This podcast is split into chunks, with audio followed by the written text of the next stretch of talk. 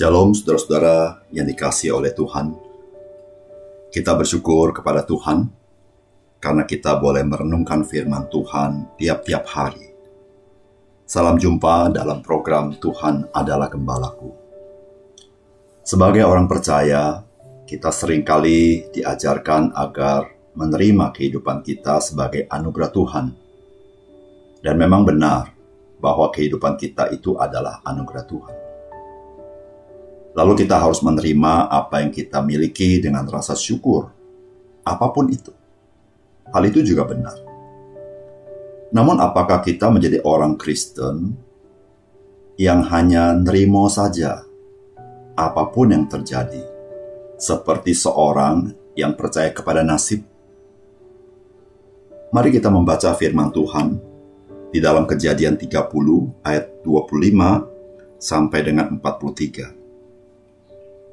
Setelah Rahel melahirkan Yusuf, berkatalah Yakub kepada Laban, "Izinkanlah aku pergi, supaya aku pulang ke tempat kelahiranku dan ke negeriku. Berikanlah istri-istriku dan anak-anakku yang menjadi upahku selama aku bekerja padamu, supaya aku pulang, sebab engkau tahu betapa keras aku bekerja kepadamu." Tetapi Laban berkata kepadanya, "Sekiranya aku mendapat kasihmu telah nyata kepadaku bahwa Tuhan memberkati aku karena engkau. Lagi katanya, tentukanlah upahmu yang harus kubayar, maka aku akan memberikannya. Saud Yakub kepadanya, Engkau sendiri tahu bagaimana aku bekerja padamu, dan bagaimana keadaan ternakmu dalam penjagaanku. Sebab harta milikmu tidak begitu banyak sebelum aku datang. Tetapi sekarang telah berkembang dengan sangat, dan Tuhan telah memberkati engkau sejak aku berada di sini, jadi bilakah dapat aku bekerja untuk rumah tanggaku sendiri? Kata Laban, apakah yang harus kuberikan kepadamu? Jawab Yakub, tidak usah kau berikan apa-apa kepadaku. Aku mau lagi mengembalakan kambing dombamu dan menjaganya, asal engkau mengizinkan hal ini kepadaku. Hari ini, aku akan lewat dari tengah-tengah segala kambing dombamu dan akan mengasingkan dari situ setiap binatang yang berbintik-bintik dan berbelang-belang segala domba yang hitam, dan segala kambing yang berbelang-belang dan berbintik-bintik, itulah upahku. Dan kejujuranku akan terbukti di kemudian hari. Apabila engkau datang memeriksa upahku, segala yang tidak berbintik-bintik atau berbelang-belang di antara kambing-kambing dan yang tidak hitam di antara domba-domba, anggaplah itu tercuri olehku. Kemudian kata Laban, Baik, jadilah seperti perkataanmu itu Lalu diasingkannya lah pada hari itu kambing-kambing jantan yang bercoreng-coreng dan berbelang-belang, dan segala kambing yang berbintik-bintik dan berbelang-belang, segala yang ada warna putih pada badannya, serta segala yang hitam di antara domba-domba, dan diserahkannya lah semuanya itu kepada anak-anaknya untuk dijaga. Kemudian Laban menentukan jarak tiga hari perjalanan jauhnya antara dia dan Yakub. Maka tetaplah Yakub mengembalakan kambing domba yang tinggal itu. Lalu Yakub mengambil dahan hijau dari pohon hawar, pohon badan dan pohon berangan. Dikupasnya lah dahan-dahan itu sehingga berbelang-belang sampai yang putihnya kelihatan. Ia meletakkan dahan-dahan yang dikupasnya itu dalam palungan dan dalam tempat minum, ke mana kambing domba itu datang minum sehingga tepat di depan kambing domba itu. Adapun kambing domba itu suka berkelamin pada waktu datang minum. Jika kambing domba itu berkelamin dekat dahan-dahan itu, maka anaknya bercoreng-coreng, berbintik-bintik dan berbelang-belang. Kemudian Yakub memisahkan domba-domba itu dihadapkannya lah kepala-kepala kambing domba itu kepada yang bercoreng-coreng dan kepada segala hitam di antara kambing domba Laban. Demikianlah ia beroleh kumpulan-kumpulan hewan baginya sendiri dan tidak ditempatkannya pada kambing domba Laban. Dan setiap kali apabila berkelamin kambing domba yang kuat, maka Yakub meletakkan dahan-dahan itu ke dalam palungan di depan mata kambing domba itu supaya berkelamin dekat dahan-dahan itu. Tetapi apabila datang kambing domba yang lemah, ia tidak meletakkan dahan-dahan itu ke dalamnya. Jadi hewan yang lemah untuk Laban dan yang kuat untuk Yakub. Maka sangatlah bertambah-tambah harta Yakub. Dan ia mempunyai banyak kambing domba, budak perempuan, dan laki-laki, unta, dan keledai. Saudara yang dikasih oleh Tuhan, Yakub telah bekerja di rumah Laban setidaknya cukup lama. Dan dia sungguh-sungguh tidak mendapatkan upah lain selain kedua istri dan anak-anaknya. Setelah Rahel dikaruniai seorang putra bernama Yusuf, maka Yakub berniat meninggalkan rumah Laban kembali kepada rumah orang tuanya. Apakah pesan firman Tuhan bagi kita melalui bagian firman Tuhan ini? Yang pertama, hiduplah cerdik seperti ular, namun tulus seperti merpati. Yakub sadar betul bahwa Laban hanya mencari keuntungan dengan kehadiran Yakub. Dan Laban tidak terlalu peduli dengan kehidupan Yakub. Oleh karena itu, Yakub meminta izin untuk pulang ke rumah orang tuanya, dan permintaan Yakub hanyalah istri-istrinya dan anak-anaknya. Hanya dia mengingatkan Laban bahwa ia telah bekerja keras selama 14 tahun di rumah Laban.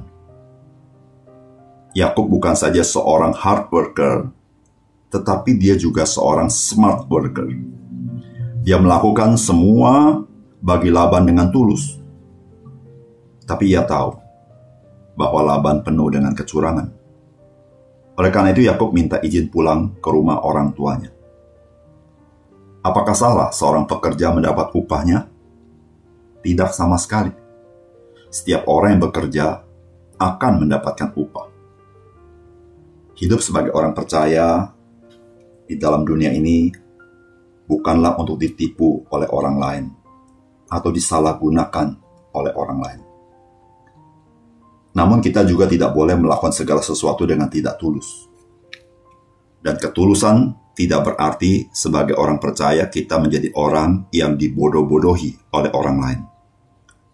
Di dalam ketulusan kita haruslah kita juga menjadi orang yang cerdik. Kecerdikan dan ketulusan ini dipakai untuk menjadi berkat bagi orang lain dan memuliakan Bapa di surga. Kecerdikan merupakan hal diperlukan untuk mengelola dan mengembangkan talenta yang Tuhan percayakan. Ketulusan merupakan aset yang penting sebagai seorang yang takut akan Tuhan. Oleh karena itu, saudara-saudara, marilah kita hidup cerdik seperti ular, tulus seperti merpati. Yang kedua, saudara,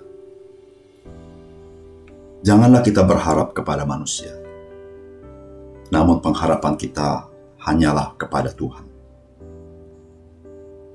Laban menawarkan upah kepada Yakub setelah mendengar Yakub mau pulang ke rumah orang tuanya. Namun hal ini dilakukan oleh Laban supaya Yakub tidak pulang. Karena Yakub menguntungkan bagi Laban. Oleh karena itu, Laban menawarkan upah kepada Yakub. Supaya Yakub tetap menghargai Laban dan Yakub sungkan untuk pulang ke rumah orang tuanya. Namun Yakub mengenal Tuhan. Oleh karena itu Yakub menolak upah itu yang dilakukan dengan maksud-maksud tertentu itu. Maka ia berkata, engkau tidak perlu memberikan aku upah. Aku rela bekerja kembali di rumahmu. Dan kita tahu kisahnya. Bagaimana kambing domba yang Tuhan sediakan bagi Yakub sehingga kambing domba Yakub menjadi begitu banyak. Saudara, mari kita belajar dari peristiwa ini. Jangan berharap kepada manusia. Taruhlah pengharapan kita kepada Tuhan. Ketika kita sungguh-sungguh melakukan pekerjaan kita. Ketika kita sungguh-sungguh tidak punya niat lain, Tuhan juga akan memberkati apa yang kita kerjakan. Jangan berharap kepada manusia, berharaplah kepada Tuhan. Yang ketiga, saudara, mari kita lakukan bagian kita dengan iman kepada Tuhan, dan Tuhan bekerja dengan kuasanya. Laban sungguh-sungguh menjadi mertua yang sangat licik dan pelit. Ia mengasingkan kambing-kambing jantan yang bercoreng-coreng dan berbelang-belang dan segala kambing yang berbintik-bintik dan berbelang-belang, segala yang ada warna putih pada badannya, serta segala yang hitam di antara domba-dombanya.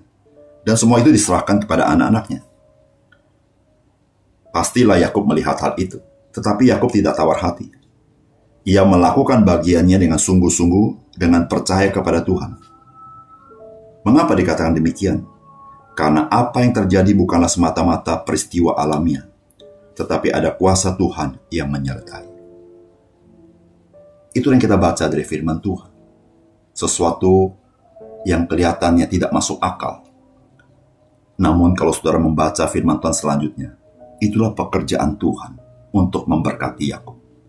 Yakub mengerjakan bagiannya, dan Tuhan dengan kuasanya memberkati pekerjaan Yakub. Mari kita berdoa. Bapak surga terima kasih untuk kebenaran firman-Mu, biar Engkau tolong kami. Supaya kami hidup di dunia ini yang penuh dengan akal bulus, penuh dengan kejahatan. Supaya kami hidup percaya kepada Engkau dan hidup cerdik seperti ular dan tulus seperti merpati. Dan kami menjadi orang yang bersandar kepada Tuhan dan melakukan bagian kami dengan tanggung jawab. Dan kami percaya, semua itu kami lakukan karena kami percaya bahwa Tuhanlah yang memberkati orang-orang percaya. Terima kasih untuk firman-Mu Tuhan. Berkati hidup kami supaya kami jadi berkat bagi orang lain dan bisa memuliakan nama Tuhan. Dalam nama Tuhan Yesus kami berdoa. Amin.